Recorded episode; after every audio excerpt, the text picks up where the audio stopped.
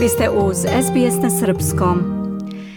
Vi slušate SBS na Srpskom. Ja sam Biljana Ristić. Ostanite sa nama do 16 časova. Nastavljamo aktuelnim temama.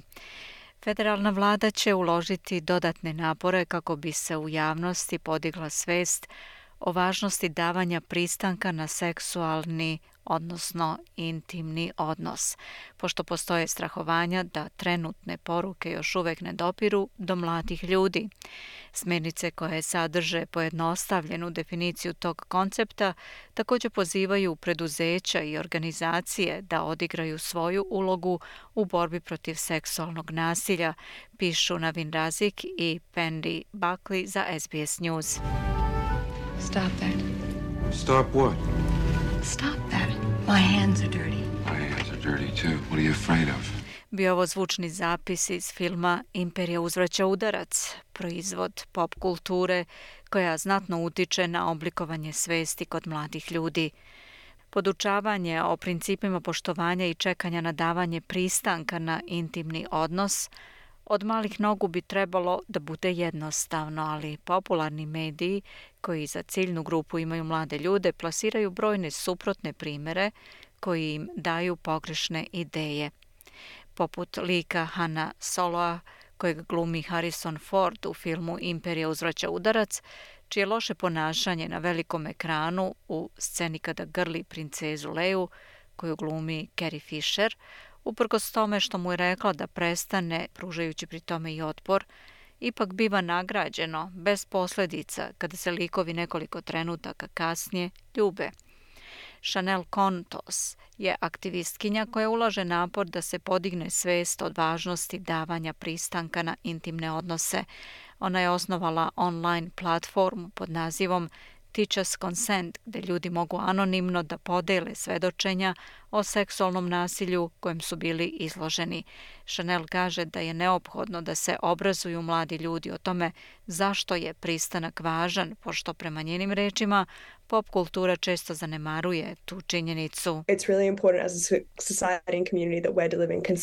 Zaista je važno da kao građansko društvo i zajednica isporučujemo dosledne i jasne poruke, jer mnogi mediji koje mladi ljudi konsumiraju, bilo da se radi o televizijskim emisijama, filmovima, također i pornografiji, često mogu biti potpuno suprotni od onoga što pokušavamo da promovišemo. To može biti i nešto jednostavno poput romantične komedije, komedije gde protagonista neprestano juri nekoga i to se smatra romantičnim, rađe nego da se razume gde se mora povući ta linija između napadnosti i poštovanja, kaže ona. Za tu poruku o važnosti davanja pristanka, federalna vlada sada želi da primeni novi nacionalni okvir o davanju saglasnosti koji treba da promoviše doslednu jednostavnu definiciju o davanju saglasnosti o seksualnom ili intimnom odnosu u pet tačaka.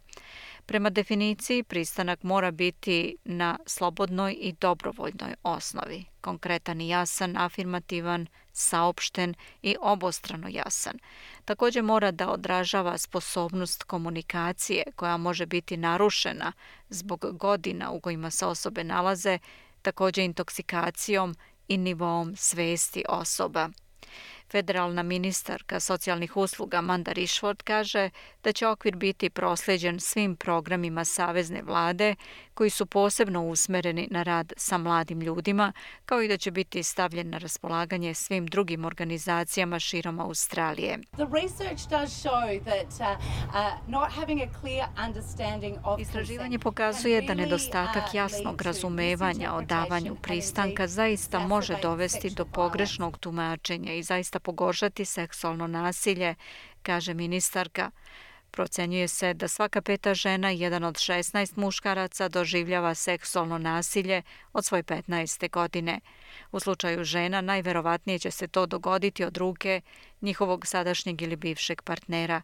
Gospođa Rišvort kaže da je okvir ključno sredstvo za smanjenje stope rodno zasnovanog nasilja. What we need to do if we're going to turn the trend where Šta treba da uradimo ako želimo da preokrenemo trend u kojem jedna od pet mladih osoba prijavljuje da je iskusila seksualno nasilje? Moramo da počnemo tako što ćemo osigurati da postoji jasna svest i razumevanje kod naših mladih ljudi. Vladin okvir karakteriše napore u borbi protiv seksualnog nasilja kao ključno kulturno pitanje za organizacije i radna mesta, upozoravajući da institucije u kojima dominiraju muškarci posebno mogu podržati ili opravdati stavove ili ponašanja koja podržavaju nasilje nad ženama. Nacionalni okvir je napravljen uz konsultacije sa stručnjacima i zagovornicima borbe protiv seksualnog nasilja, uključujući gospođu Kontos, i činit će okosnicu budućih vladinih kampanja i odgovarajućih partnerskih programa.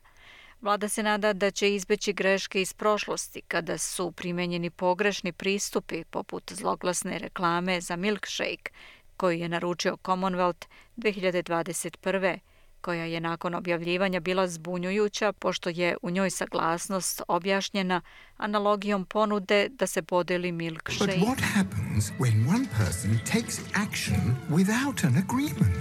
You do, huh? Well, drink it. Drink it all. Gospođa Kontos kaže da nacionalni okvir doprinosi osiguravanju da ne postoji neusklađenost u slanju poruka o davanju saglasnosti u medijima, što može dovesti do nazadovanja u kulturi i razumevanju o davanju pristanka.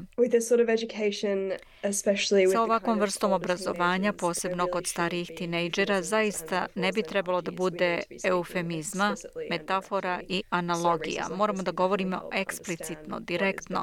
Dakle, ovakvi resursi definitivno mogu pomoći da se razume šta je najbolje da se kaže, kako da se kaže, kada tako nešto treba da se kaže i da ljudima date samopouzdanje da to i urade. Ona pozdravlja okvir kao način za olakšavanje ovih važnih razgovora i nada se da će se davanje saglasnosti i način na koji saznajemo o tome preneti na web mrežu i moći da se koristi za iskorenjivanje seksualnog nasilja.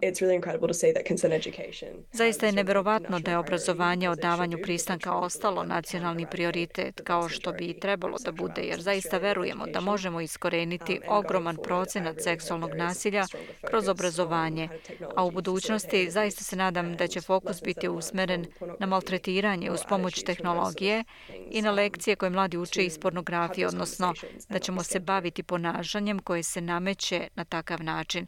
Treba da vodimo te razgovore bez straha, kaže gospođa Kontos. Ako vi ili neko koga poznajete želite da razgovarate o seksualnom napadu ili uznemiravanju ili o nasilju u porodici, pozovite 1800 Respect na 1800 737 732 ili posetite 1800respect.org.eu. U hitnim slučajevima pozovite 30. Želite da čujete još priča poput ove? Slušajte nas na Apple Podcast, Google Podcast, Spotify ili odakle god slušate podcast.